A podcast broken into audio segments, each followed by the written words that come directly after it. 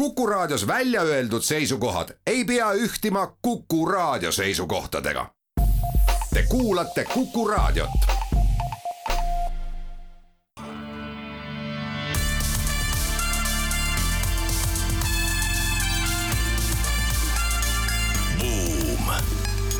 buumile annab hoogu SEB Pank tere päevast, on seitsmes september aasta kaks tuhat kakskümmend kaks, oleme taas eetris Buumi saatega, saatejuhid Anto Liivat ja Ott Pärna. tänase uudisteploki avame aruteluga selle ümber, et kui e-, üha enam on neid juhte, kes saadavad töötajad kodukontorisse, siis kas kontoripindu on üldse enam tarvis edasi räägime sellest, kuidas teha nutikalt tööd niimoodi, et mil-, mitte ilmtingimata füüsiliselt ise tööl käia, isegi kui juhid seda soovivad. Uurime ka, miks vaimse tervise äppide turg muudkui kasvab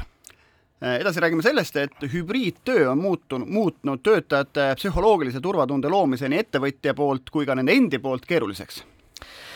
ning äh, meie tänaseks saatekülaliseks on äh, Ursel Velve, Mainor Ülemiste juhatuse esimees, kes on lubanud teha Ülemistest Eesti värava. arutleme selle üle, kuidas äh, hoida töötajate tervist ning luua võimalikult head kaasaegset töökeskkonda.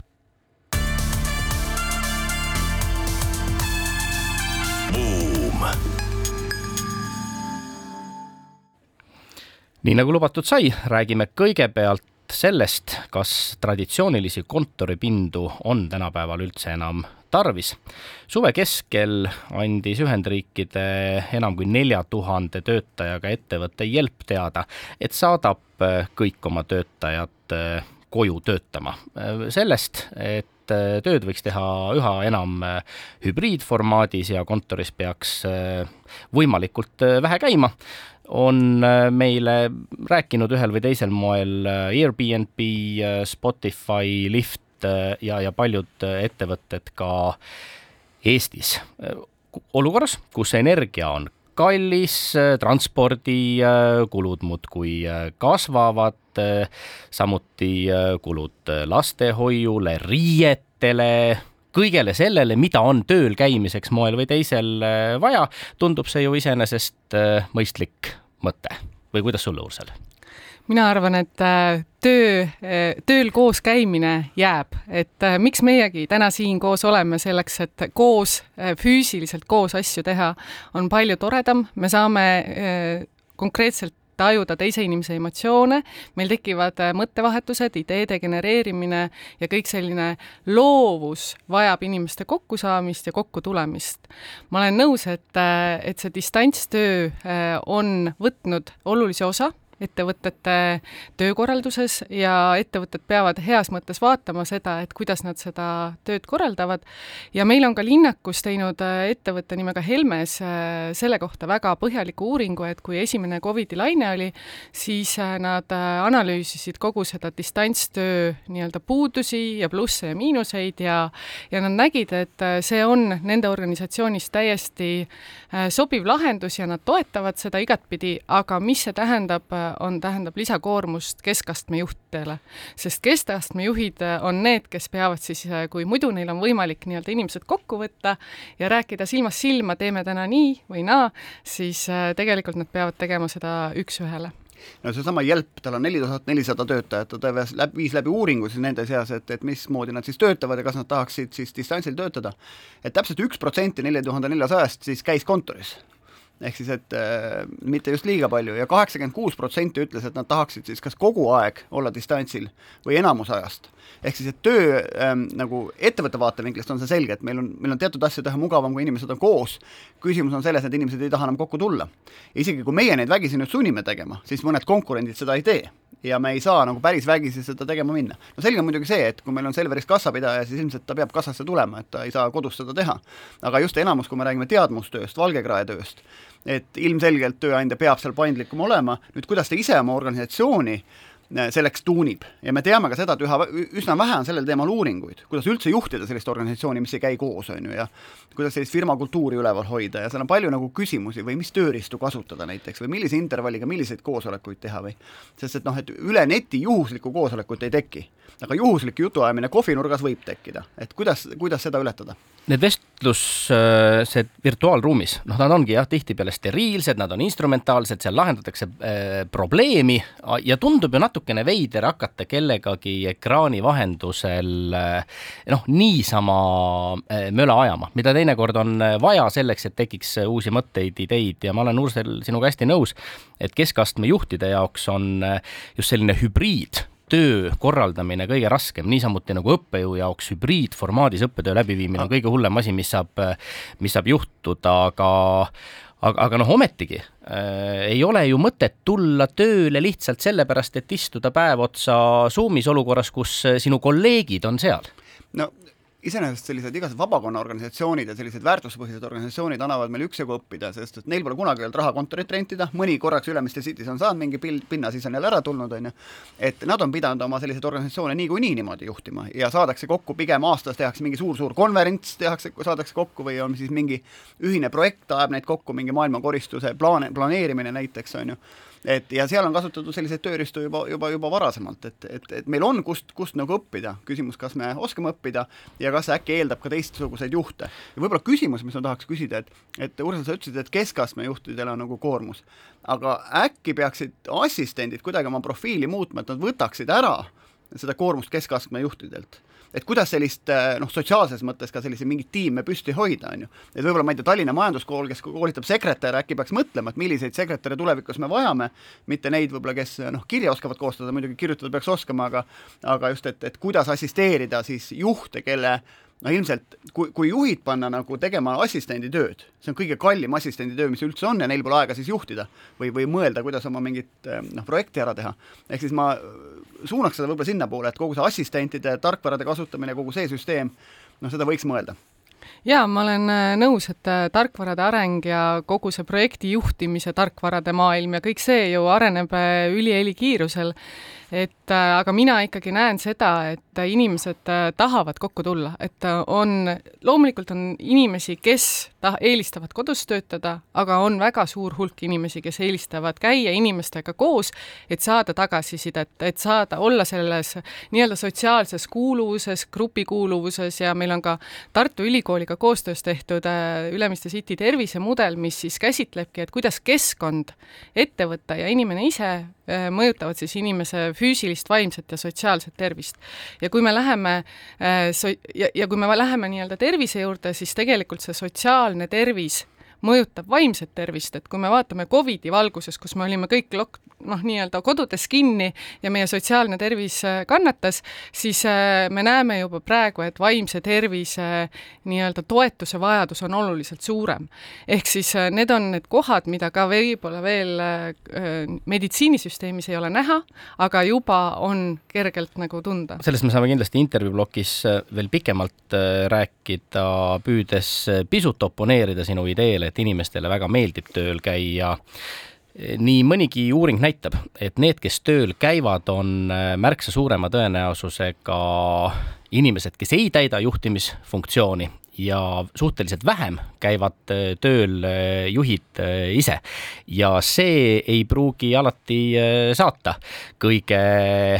paremaid signaale töömoraali kohta, kui ülemused on puudu, on kuskil kogu aeg ära, aga teised peavad tööl käima, sest no juhid lihtsalt ei usalda inimesi kodus äh, töötama. aga me sellest kõigest jõuame pärast reklaamipausi õige pea edasi rääkida.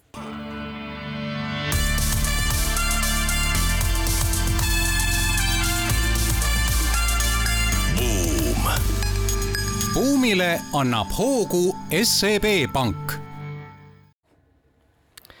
oleme tagasi Buumi eetris, saatejuhid Anto Liivet ja Ott Pärna ning meie tänane saatekülaline Mainor Ülemiste juhatuse esimees Ursel Velve. SEB Pank on meile teada andnud, et kolmandikus Eesti peredes on mitu autot ja seda eriti juhul, kui peres on rohkem kui kaks last. kõige enam mitme auto omanikke on parimas tööeas inimeste hulgas kolmekümne viie kuni viiekümne nelja aastaste hulgas siis ja nende inimeste sissetulek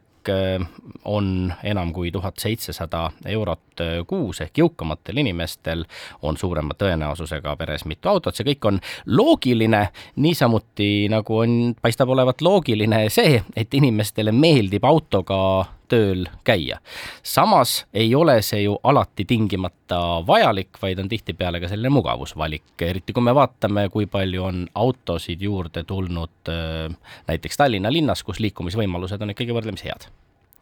ma siiski äh, täiendaks sind, et, äh, et Tallinna linnas äh, võib-olla ühistranspordiga ühendus on tõesti üsna hea,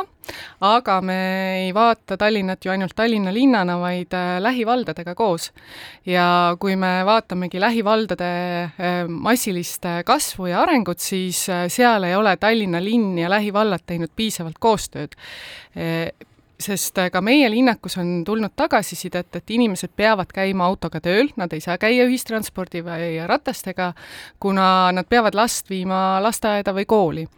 ja see, et oleks olemas äh, lasteaed, kool või ühistransporditeenus siis lähivallast äh, Tallinna linna, ma arvan, see on see põhipõhjus, miks Tallinna linna tuleb autosid juurde ja ühistranspordi kasutajate arv on tegelikult kukkunud, on see siis Covidi või ühenduse tõttu, see, seda ma täpselt ei tea. mina võin võin öelda, et Piritalt Ülemiste Citysse on umbes kakskümmend viis minutit jalgrattaga, kiiresti sõidada saab kahekümnega ja bussiga on nelikümmend viis. jah, ja autoga hommikutega saad veel kauem, eks. ja, ja, ja see la-, noh, me läheme natuke sellest vist saate teemast välja, aga see laste vedamine ja sellel põhjusel autodega sõitmine, see on tegelikult üks selline sümptomaatiline asi, et kui sa küsid neid lapsevanemaid, miks te veate lapsi autodega,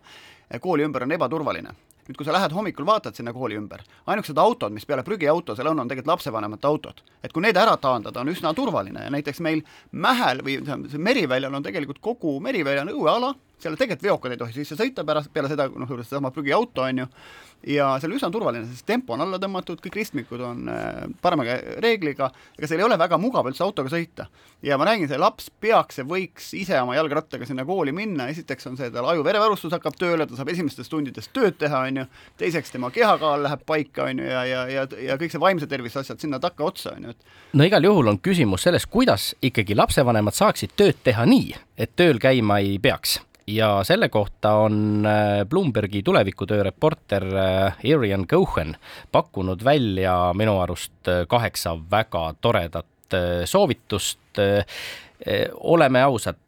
miks minnakse füüsiliselt tööle kohale, on reeglina sellepärast, et muidu äkki ülemused arvavad, et ma ei tee tööd. ja, ja nii ta siis soovitabki kõigepealt, et jää lihtsalt koju, aga tee töö ära. Need, kes saavad oma asjad eh, tehtud, ei ole reeglina kuigi haavatavad ülemuste kriitika eh, osas, et nad luuslanki lasevad. jah, et kui sa nagu outperform'id niikuinii, siis ei saa keegi sulle öelda, et kus kohas sa siis parasjagu oma tööd teed. aga tõsi on see, et ma vaatan, ma, mul on nagu paar tööandjat nagu ja, ja ühe juurest ma nende juurest nagu puhkan hetkel ja mul on kuramuse suur tegu kodus, et ma tööd ei teeks sest et vaata, see töö on nii koju tulnud sulle, on ju, et sa justkui nagu noh,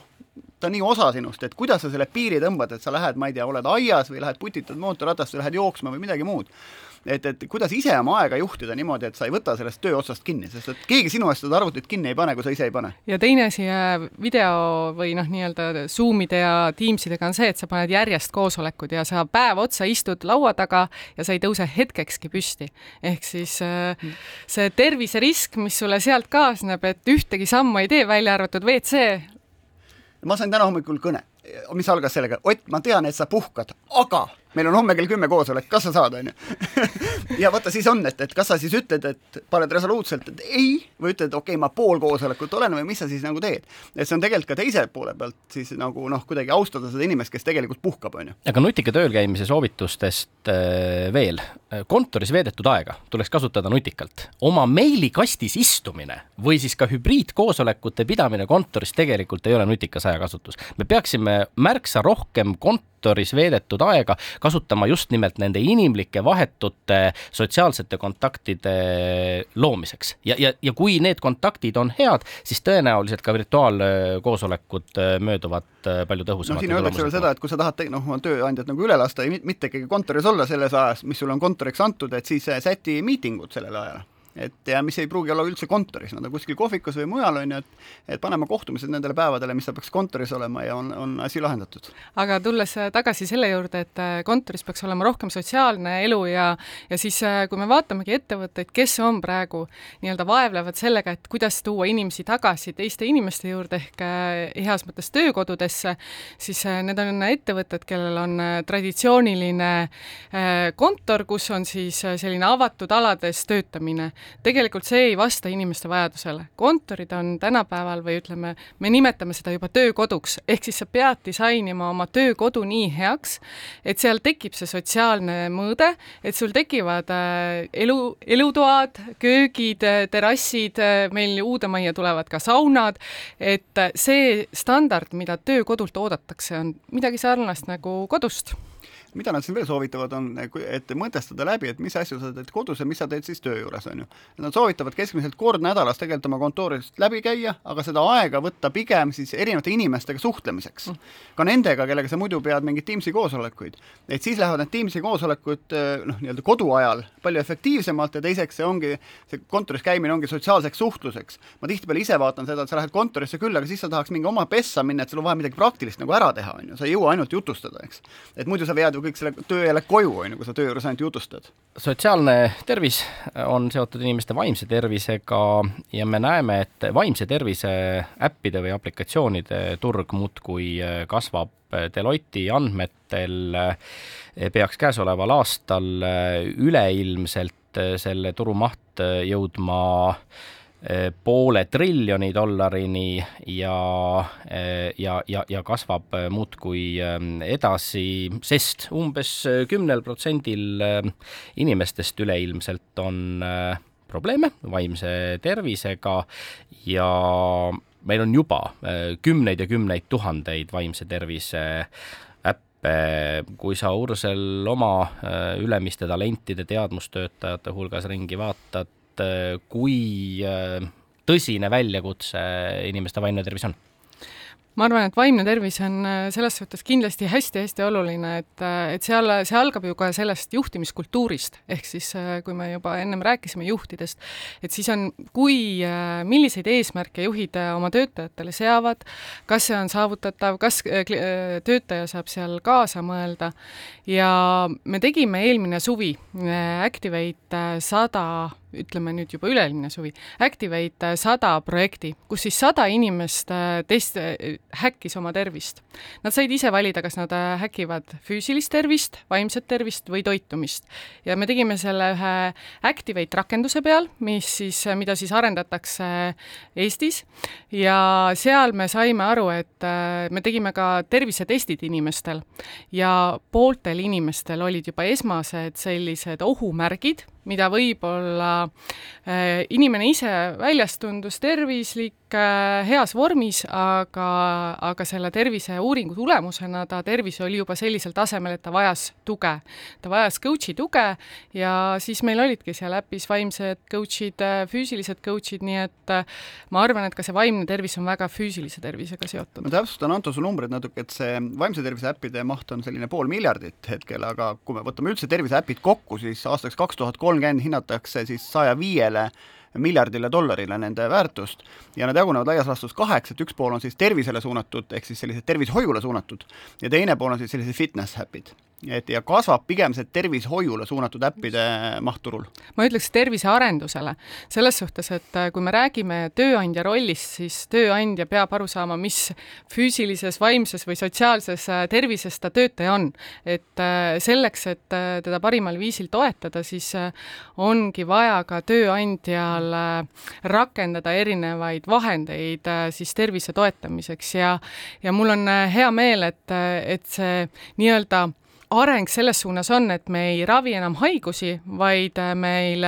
perearstid võiksid varsti välja kirjutada nii-öelda digitaalseid retsepte ehk äppe, et äh, sina, Anto, võib-olla liigud liiga vähe, et äh, palun mine liigu kümme sammu, kümme tuhat sammu päevas ja sellega sa toetad oma tervist, ehk siis ennetus. Siis ma vaatan, kuidas neid äppe segmenteeritakse, et medi-, meditsiiniga või medical äpid on siis äh, naiste tervisega seotud äpid, siis on äh, personaalsete terviseandmetega seotud äpid, siis on äh, ravimite manustamisega seotud äpid, siis on mingid diagnostika äpid, siis on remote monitoring ehk siis kaugelt saab näiteks perearst sinu mingid tervisenäitajad teada. Ja siis on üldse haiguse juhtimise äpid. See on siis meditsiini pool. Ja nüüd fitness äpid või siis spordi või, või liikumise äpid on siis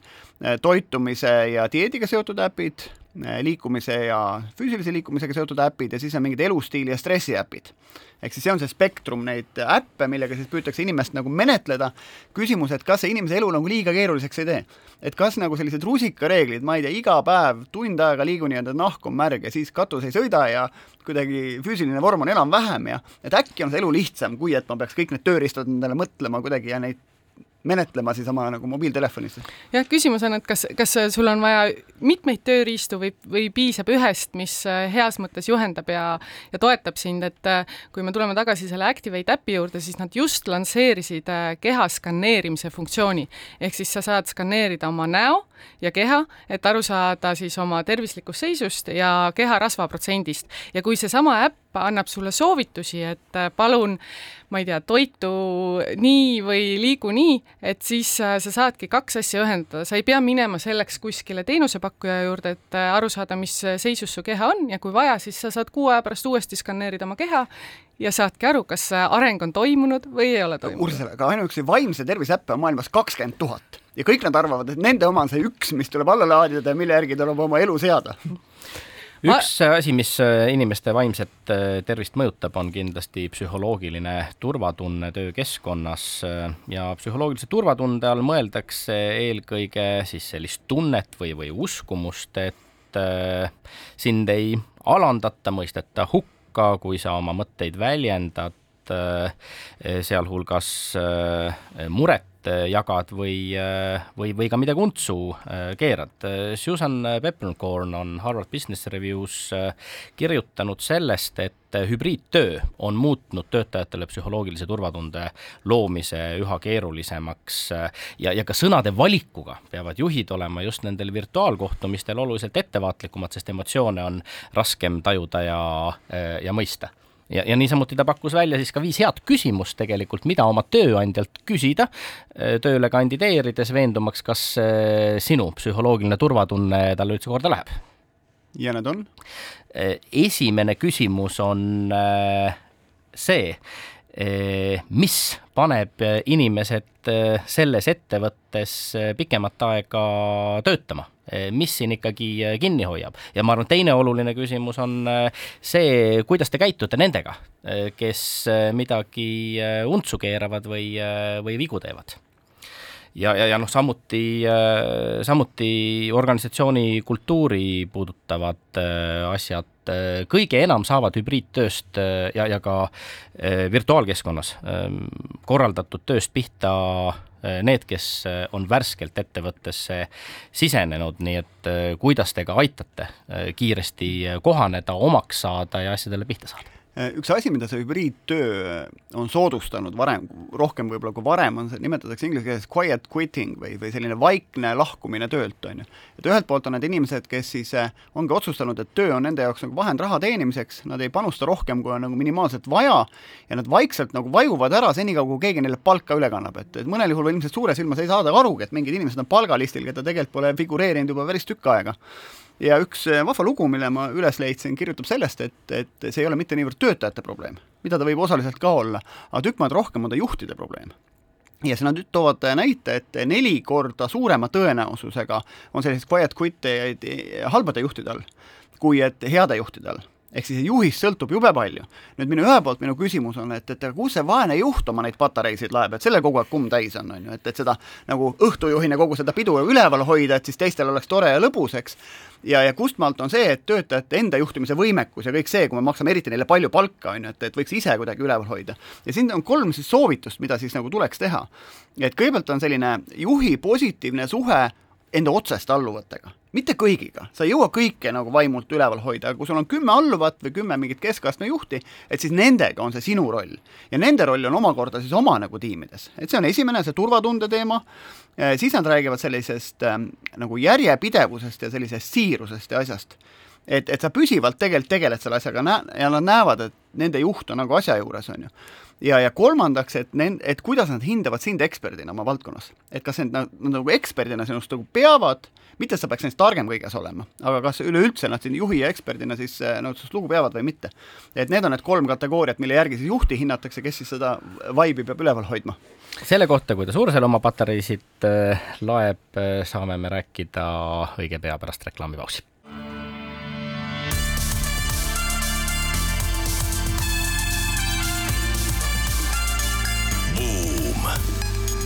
buumile annab hoogu SEB Pank. oleme tagasi Buumi eetris, saatejuhid Anto Liivet ja Ott Pärna ning meie külaliseks Mainor Ülemiste juhatuse esimees Ursel Velve. räägime töötajate tervisest ja tervist toetavast töökeskkonnast Ursel, sind tuntakse ka noh, sellise spordihulluna, ühel päeval ujud viis kilomeetrit, siis järgmisel sõidad äh, kuuskümmend kilti rattaga ja siis äh, kolmandal päeval jooksed kolm, nelikümmend kilomeetrit. kas su tööandjal ei ole kunagi tekkinud äh, küsimust, kuivõrd ikkagi üks inimene suudab maksimaalselt kahel rindel pingutada?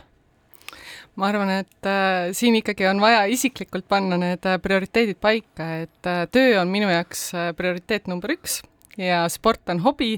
ja heas mõttes ka enese nii-öelda allalaadimise või, või uuesti üleslaadimise võimalus, et äh, et see, et äh, seda nii suures mahus praegu teen, on võib-olla minu kauaaegse unistuse täitmise suunal töötamine, et juba ammu Äh, olen unistanud triatloni äh, maailmameistrivõistlustel osalemisest ja, ja seetõttu siis ka võib-olla teen seda mõnevõrra rohkem. ma olen tippjuhtidega töötades tihtipeale näinud äh, seda, et kui ettevõtte juhil on mingisugune spordiala, mis talle väga meeldib, Äh,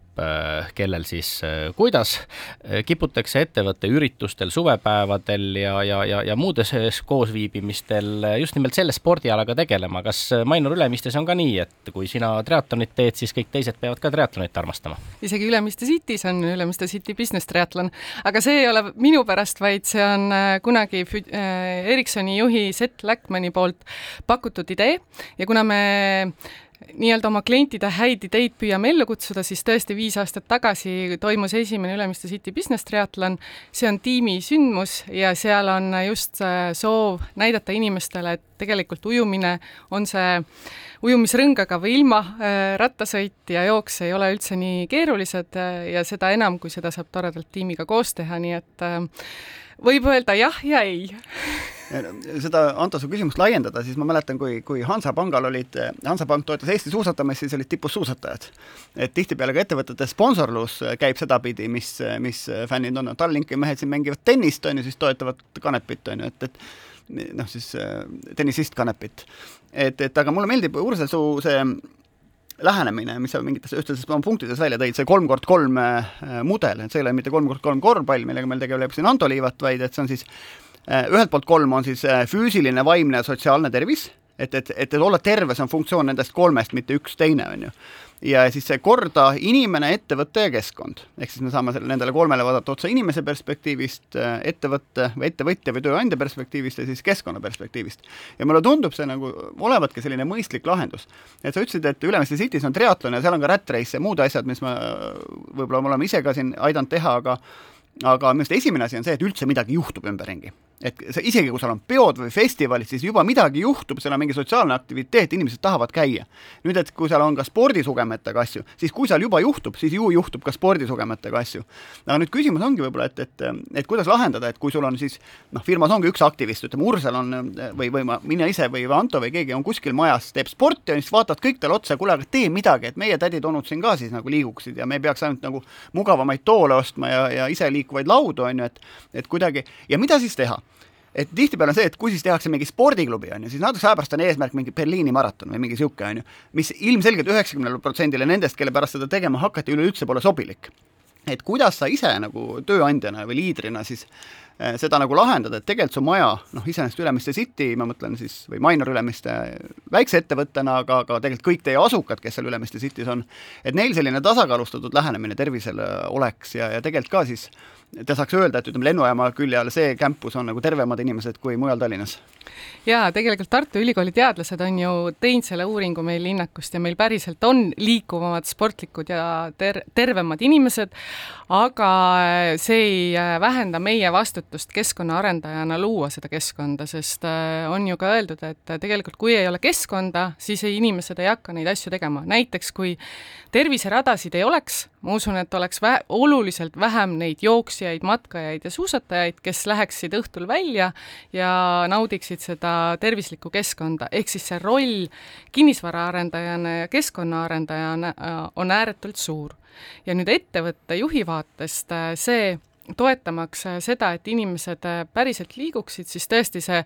sa ei saa suruda peale ühte või teist sporti, vaid see on inimestele lihtsalt väärtustepõhiselt äh, rääkimine, kui oluline on meile tervis. Ja, ja ongi see füüsiline tervis on üks teema, aga vaimne tervis, et me toetame üksteist, et me tunnustame üksteist, et me oleme üksteise jaoks olemas. Ja kõik see pool on, on sinna juurde kuuluv, nii et ma arvan, et et ettevõtjate vastutus inimeste tervise eest äh, tegeleda on hästi suur. ja me nägime ka seal uuringus seda, et jah, suurettevõtjad, neil on äh, üsna head suured süsteemid, millega nad siis toetavad oma inimesi, aga väikeettevõtjatel, neil ei ole ressurssi, nad ei, neil ei ole nagu raha, ehk siis siin saabki linnak, Ülemiste City või kes iganes keskkonnaarendajana saab tulla appi ja luua ühele ökosüsteemile sobiva sellise terviselahenduse. sa ütled, et juhid ja ettevõtted vastutavad oma töötajate tervise eest, kas see ei tee organisatsioonidest selliseid lapsehoidjaid, noh, Milton Friedman seitsmekümnendal aastal ütles, et eh, ettevõtte ainus sotsiaalne vastutus on oma kasumit eh, suurendada. miks me selliseid lapsehoidja ettevõtteid ikkagi eh, loome, saagu igaüks ise oma tervisega hakkama? no ma olen ka kuulnud, et ettevõtted, kes ainult kasumile orienteeritud on, ei ole nii edukad, ehk siis ettevõtte missioon ja visioon on oluline, miks need talendid või inimesed sinna ettevõttesse tulevad. ja miks nad ka näevad, et nad hakkavad seal ise mõtlema, et kui see missioon ongi luua parimat keskkonda Eestis või maailmas, siis eh, mis mina inimesena saan teha, et, et seda täita, seda eesmärki. ja, ja ütleme, kui ettevõte paneb inimesed istuma viieks kuni kaheksaks tunniks ja ta ei ütle inimestele, et palun liigu näiteks iga, ma ei tea, pooleteist tunni tagant äh, viis või viisteist minutit, ehk ta sunnibki võib-olla olema kodukontoris äh, järjest tiimi koosolekutel, see on ju väärtuste küsimus ja kokkulepete küsimus ettevõtte kultuuris,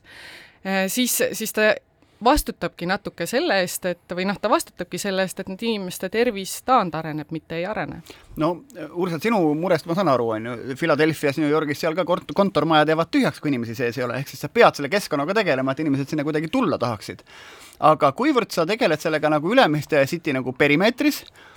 kus on ilmselt ühtepidi kilomeeter, teistpidi nagu viissada meetrit või umbes mõõta, eks. Eh, ja kuivõrd sa pead tegelema tegelikult suuremalt. Ja suuremalt on keeruline, et kus sul need kergliiklusteed või metsarajad on, et ühel pool on lennujaam, teisel pool on tarastatud Ülemiste järv, on ju, et kas räägid Tallinna Veega, et äkki teevad Ülemiste järve ümbert lahti, et, et seal pole mitte mingit põhjust, et ta peaks nii kõvasti kinni olema, nagu ta täna on, või nii kaugelt kinni? jaa, me oma lähedal olevaid äh, nii-öelda asutusi kaasame, ehk siis ka Rail Baltica roll tegelikult mitte sulgeda kahte linna osa siis omavahel selle raudteega, vaid kuidas Rail Baltica saab olla võimaldaja. et luua rohkem kergliiklustunneleid, et inimesed kesklinnast, Lasnamäelt ja mujalt pääseksid kergliiklusega ligi. samamoodi me Tallinna Vee ja Tallinna linnaga siis oleme tihedas suhtluses, et avadagi see järve kallas kas või osaliselt inimestele, sest keskkonnauuringud on käinud, tegelikult see väga suurt ohtu järve vee kvaliteedile ei oma, lisaks mujal maailmas on küllaldaselt näiteid, kus on joogivee järv nii-öelda või on avatud inimestele, et sellega me kõik teeme, et me, me ei arenda ainult seda kolmekümmend kuute hektarit, kus me siis, mis on reaalselt meie oma, vaid me püüame kaasata siis äh, ümbruskonna tegijaid, arendajaid, äh, kes, kellega luua see tervikkeskkond ja loomulikult Tallinna linnaga on meil väga-väga tihe koostöö. jah, see Ülemiste järv selles mõttes, Marina Bay Singapuris on ju tegelikult veehoidla ja inimesed, inimestel lahti mitte midagi ei ole, isegi pantoonide peal jalkaplats pannakse sinna aeg-ajalt peale, viimane kord tehti muuseas triatloni ühte, ühte etappi tehti Marina Bay's ujuti. ja iseenesest see, see Ülemiste järvest veel rääkides, siis sinna, see oli vanasti oli vesilennuväli seal ju mm, -hmm. vesilennukid sõitsid üles, noh alles hiljuti olid poolakad maandusid lausa oma lennukiga sinna sisse, eks. ja, ja tegelikult Ülemiste järve kõige suurem probleem on see, et ta on suht madal järv ja seal suvel sooja ilmaga tekib äh, seda bioloogilist värki nii palju, et pigem need need, need, need äh, filtrid ummistuvad ära selle bioloogilise värgiga, kui et inimtekkelist sinna midagi sisse tekiks, et, et selles mõttes küll see on, mina, mina ütleks, on pigem vaimuvaesus, et meil Ülemiste järv on tarastatud, kui et äh, mingi ohuküsimus. kuulame nüüd taas ära kaubanduslikud teadaanded ja pärast seda vestleme Urseliga edasi linnakeskkonna teemadel.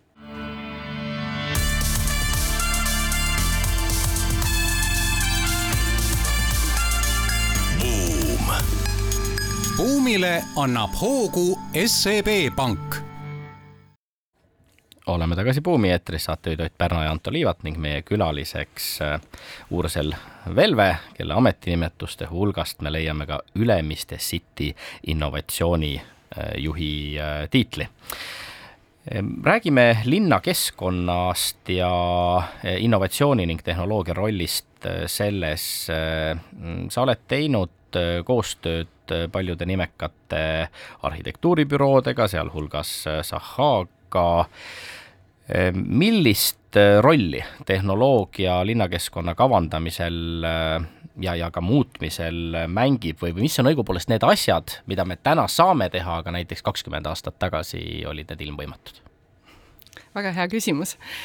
ma arvan, et, et see tehnoloogia kiire areng võimaldab meil teha asju, mis päriselt Äh, nii-öelda teevad inimeste elu mugavamaks, et äh, kui siin võib-olla kümme aastat tagasi vaadati tarka linna, et paneme linna andureid täis ja tehnoloogiat täis, et siis see on nagu väga tark linn, teadmata, kuidas need süsteemid omavahel võib-olla toetavad inimest või, või aitavad inimest, siis tänasel päeval on see pöördunud, et, et selleks keskseks on ikkagi see inimene oma vajaduste, soovide ja ka tänasel päeval andmetega ja, ja sinna juurde siis tulevad need tehnoloogiad, mis siis toetavad viisil või teisel siis selle parima eh, keskkonna pakkumist ja ütleme, sellist targa linna tekkimist. et eh, ma arvan, et eh, kümme aastat tagasi oligi see, et need tehnoloogiad töötasid hästi silodes ehk siis nad olid eraldi tehnoloogiad, üks tehnoloogia võib-olla, mis äh, kogus keskkonnaandmeid, teine tehnoloogia, mis äh, võimaldas mingit teist asja teha, aga tänasel päeval on võimalik äh, tuua need andmed kokku, neid andmeid nii-öelda omavahel analüüsida ja vaadata, mis on siis kas inimkäitumise mustri muutus, kui me teeme mingi muudatuse, näiteks me Ülemiste City's praegu äh, viljeleme rattateede pilootprojekti, mis, äh, mis on selleks just, et äh, tuuagi tähelepanu alla et ratturid äh, linnakeskkonnas äh, autoteedel on tegelikult sama võrdsed liiklejad, kui on autod, et mõni aasta tagasi, kui ma ise veel rattaga sõitsin, siis ma sain üsna tihti autojuhtidelt sõimata, et ma rat-, autoteel sõidan rattaga, tänasel päeval see inimeste suhtumine sellesse juba on muutunud ja vaadatakse kui võrdset liiklejat. Ja selles projektis me tegelikult toome kokku siis erinevad andmed, müraandmed, keskkonnasaaste andmed, inimeste käitumismuutumiste andmed ja nende andmete pealt me saame teha tuleviku keskkonnaarenduse otsuseid. et äh, ja, ja no mis on huvitav, on see, et äh, Eesti inimene muidu on tehnoloogiat äh, testides üsna avatud, agiilne ja kui me räägime keskkonna sekkumistest, siis seal millegipärast see agiilsus kaob ära ehk siis, kui me räägime ka, et Tallinn tegi oma punased rattateed või äh, pannakse mõni tänav kinni, et piloteerida paremat linnaruumi, siis Eesti inimene hakkab äh, vastu võitlema. Et noh, või selles suhtes on, on see ühest pidi ühte külge arusaadav, et inimesed ongi harjunud mingeid äh, äh käitumismustreid kasutama, aga teisest küljest me ei saa keskkonda arendada ilma testimata ja katsetamata. Mul on, on sul selline küsimus või mingi aeg Harvard Business Review kirjutas hea loo, et, et kinnisvarad peavad liikuma nii-öelda from workplace to culture place, on ju, et, et töökeskkonnast nagu kultuurilise keskkonnani. ja minu küsimus on sulle selline, et, et kas see kultuuriline keskkond tähendab A või A pluss kinnisvara või ta tähendab ka midagi muud, et inimesed millegipärast käivad keskturul ja ja, ja ma ei tea, mulle meeldib jubedalt olla garaažis näiteks ja et, et kas nagu mingid sellised teistsugused keskkonnad, mis ei ole nii kallid, mille lõpuks ka ruutmeeter ei ole nii kallis, võib-olla ei ole ka nii soojad, on ju, aga võib-olla on palju rohkem inimest ligimeelitavamad kui sellised noh, klantsid kõrgete lagedega, suurte klaasidega, sellised puhtad-puhtad kontorid ma olen täiesti nõus, et äh, tuues meie Telliskivi või mõne teise arenduse näite, et siis äh, sellised äh, heas mõttes taastatud ja uuesti kasutatud kinnisvara või ütleme, hooned ja ruumid on ju väga hästi vastu võetud, et inimestele meeldib seal käia. ja nüüd me tuleme selle heas mõttes rohepöörde juurde, et, et kui me ka oma Rohetiigri ehituse teekaardi töögrupis analüüsime neid asju, siis me loomulikult äh, näeme seal, et äh, kõige väiksem jalajälg tekib siis, kui me renoveerime ja taaskasutame. teisest küljest, äh, kui me tuleme energiahindade ja, ja ütleme, gaasi saadavuse ja kõige selle juurde, siis ma ütlen, et jah, me peame tegema energiasäästlikud ja efektiivsed hooned selleks, et,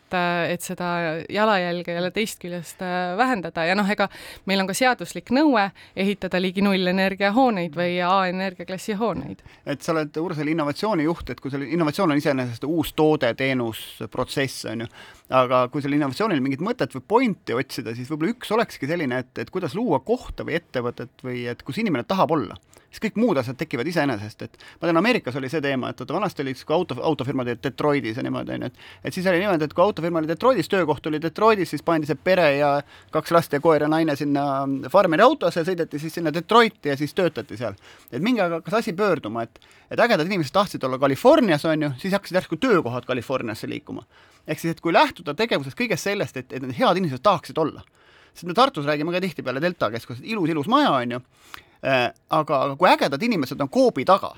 siis tegelikult teised ägedad inimesed lähevad koobi taha. et, et, et see ilus maja ei anna sulle veel kuidagi nagu põhjendust, et sul on kõige paremad inimesed, nad lähevad sinna, kus on mingi vibe ja see on tegelikult midagi muud kui, kui võib-olla see elitaarsus ja lipsud ja kuidagi mhm. selline pe-, peenike värk. jaa, ongi, et ega hoone ise ju ei loo elu et äh, selleks, et elu tekiks, äh, peab olema seal, peavad olema seal need inimesed, nad peavad tahtma kokku saada, et kui me tuleme jälle selle heas mõttes selle distantstöö või, või, või kodutöö juurde, siis, äh, siis ongi, et iga see ettevõte, kes siis selles piirkonnas toimetab, tegelikult loob seda kultuuri, et inimesed tahavad sinna tulla. ja teisest küljest meie siis kinnisvaraarendajatena vaatamegi palju kaugemale kui ainult hooned või arhitektuur või keskkond, et me oleme oleme väga-väga palju panustanud selleks just, et äh, inimestel oleks võimalik meie linnakus äh, õppida, äh, lasteaias käia, koolis käia, et seal oleks muud toredad tegevused, seal on rannavõrkpallid, erinevad asjad, nii et, et me panustame sellesse väga palju innovatsiooniga jätkates, siis innovatsiooni puhul on, on selline asi tehtud nagu innovatsiooni adapteerimise selline curve või, või selline kurv, on ju kus sajast protsendist inimestest on kaks koma viis protsenti ehk siis kaks ja pool sajast on innovaatorid, need, kes mõtlevad uusi ideid välja siis on kolmteist koma viis protsenti ehk siis sajast kolmteist ja pool inimest on sellised early adapter'id või kes vara võtavad siis need uued ideed omaks, on ju. siis on kuskil kolmkümmend neli protsenti ehk siis kolmkümmend neli inimest sajast on sellised pragmaatikud, kes näevad, et rong sinnapoole läheb, ju peab peale minema ja siis on sellised late majority on selline jälle kolmkümmend neli protsenti ehk siis sajast kolmkümmend neli inimest, kes on konservatiivid, kes hädapärast kunagi tulevad kaasa, kui enam muud võimalust ei ole, on ju. ja siis on skeptikud, keda on kuusteist protsenti ehk siis sajast kuusteist, kes on põhimõtteliselt no kõigele vastu või filosoofias siis nihilistid või kõige eitajad, on ju. et, et kuidas sa selle viimase otsaga tegeled, kes võivad torpedeerida nagu mingeid ägedaid algatusi äh,, rikkuda kihvte tiime, võtta nagu teistelt inimestelt motti maha, et, et kuidas te noh, võib-olla Ülemiste City's laiemalt, aga Mainor Minoris kitsamalt nendega tegelete või teil ei olegi selliseid inimesi? loomulikult, äh, kuna meil on äh, kolm erinevat ettevõtet arendavad seda linnakut, siis meil on ka väga erinevad inimesed ja väga erinevad arvamused. ja me püüame loom-, arvestada siis äh, nii-öelda ka nende arvamustega, kes, kes arvavad, et see lahendus, mis meil praegu on, on parim lahendus. et aga teisest küljest ongi ju keskkonnaeesmärgid, mis seavad meile teatud äh, vajadused muutuda, äh, on see siis, äh, ongi hoonete projekteerimisel mingid lähteülesanded, et saada energiaefektiivsemat ja nii edasi, või siis keskkonna mõttes. et me ikkagi nii palju auto parkimiskohti ei loo ja, ja ka ettevõtte juhid, et nad saaksid aru, et tegelikult kas nad küsivad kinnisvaraarendajalt auto parkimiskohta või nad, me arutleme teemal, et kuidas saada rattaga või ühistranspordiga, et toetada inimese tervist, siis see on, äh, ma arvan, see koht, kus äh, tulebki heas mõttes neid kaasata, rääkida nende nii-öelda murekohtadest, mis neid mis nad näevad, mis on need ohukohad ja teisest küljest siis püüda seda kuidagi step by step äh, lahendada, et selleks ju Ülemiste City's äh, me oleme loomas Tessiti teenust, me oleme piloteerinud isejuhtivaid busse, nüüd varsti läheb käima TPD ja Cleveroni äh, isejuhtiv robot, mis hakkab pakke viima, me oleme teinud erinevaid nii-öelda linnalisi testkatsetusi ja see ongi selleks, et kõigepealt testimise käigus saada ära, kuidas inimesed vastu võtavad ja siis äh, järk-järgult seda juurutada. suur aitäh, Urusel Velve, Mainor Ülemiste juhatuse esimees, meile saatekülaliseks tulemast. meie oleme Buumiga eetris juba täpselt nädala pärast, siis on meie külaliseks Lauri Antalainen. Digiwise'ist räägime ettevõtete ning protsesside digitaliseerimisest. seniks aga kuulmiseni ja kena nädala jätku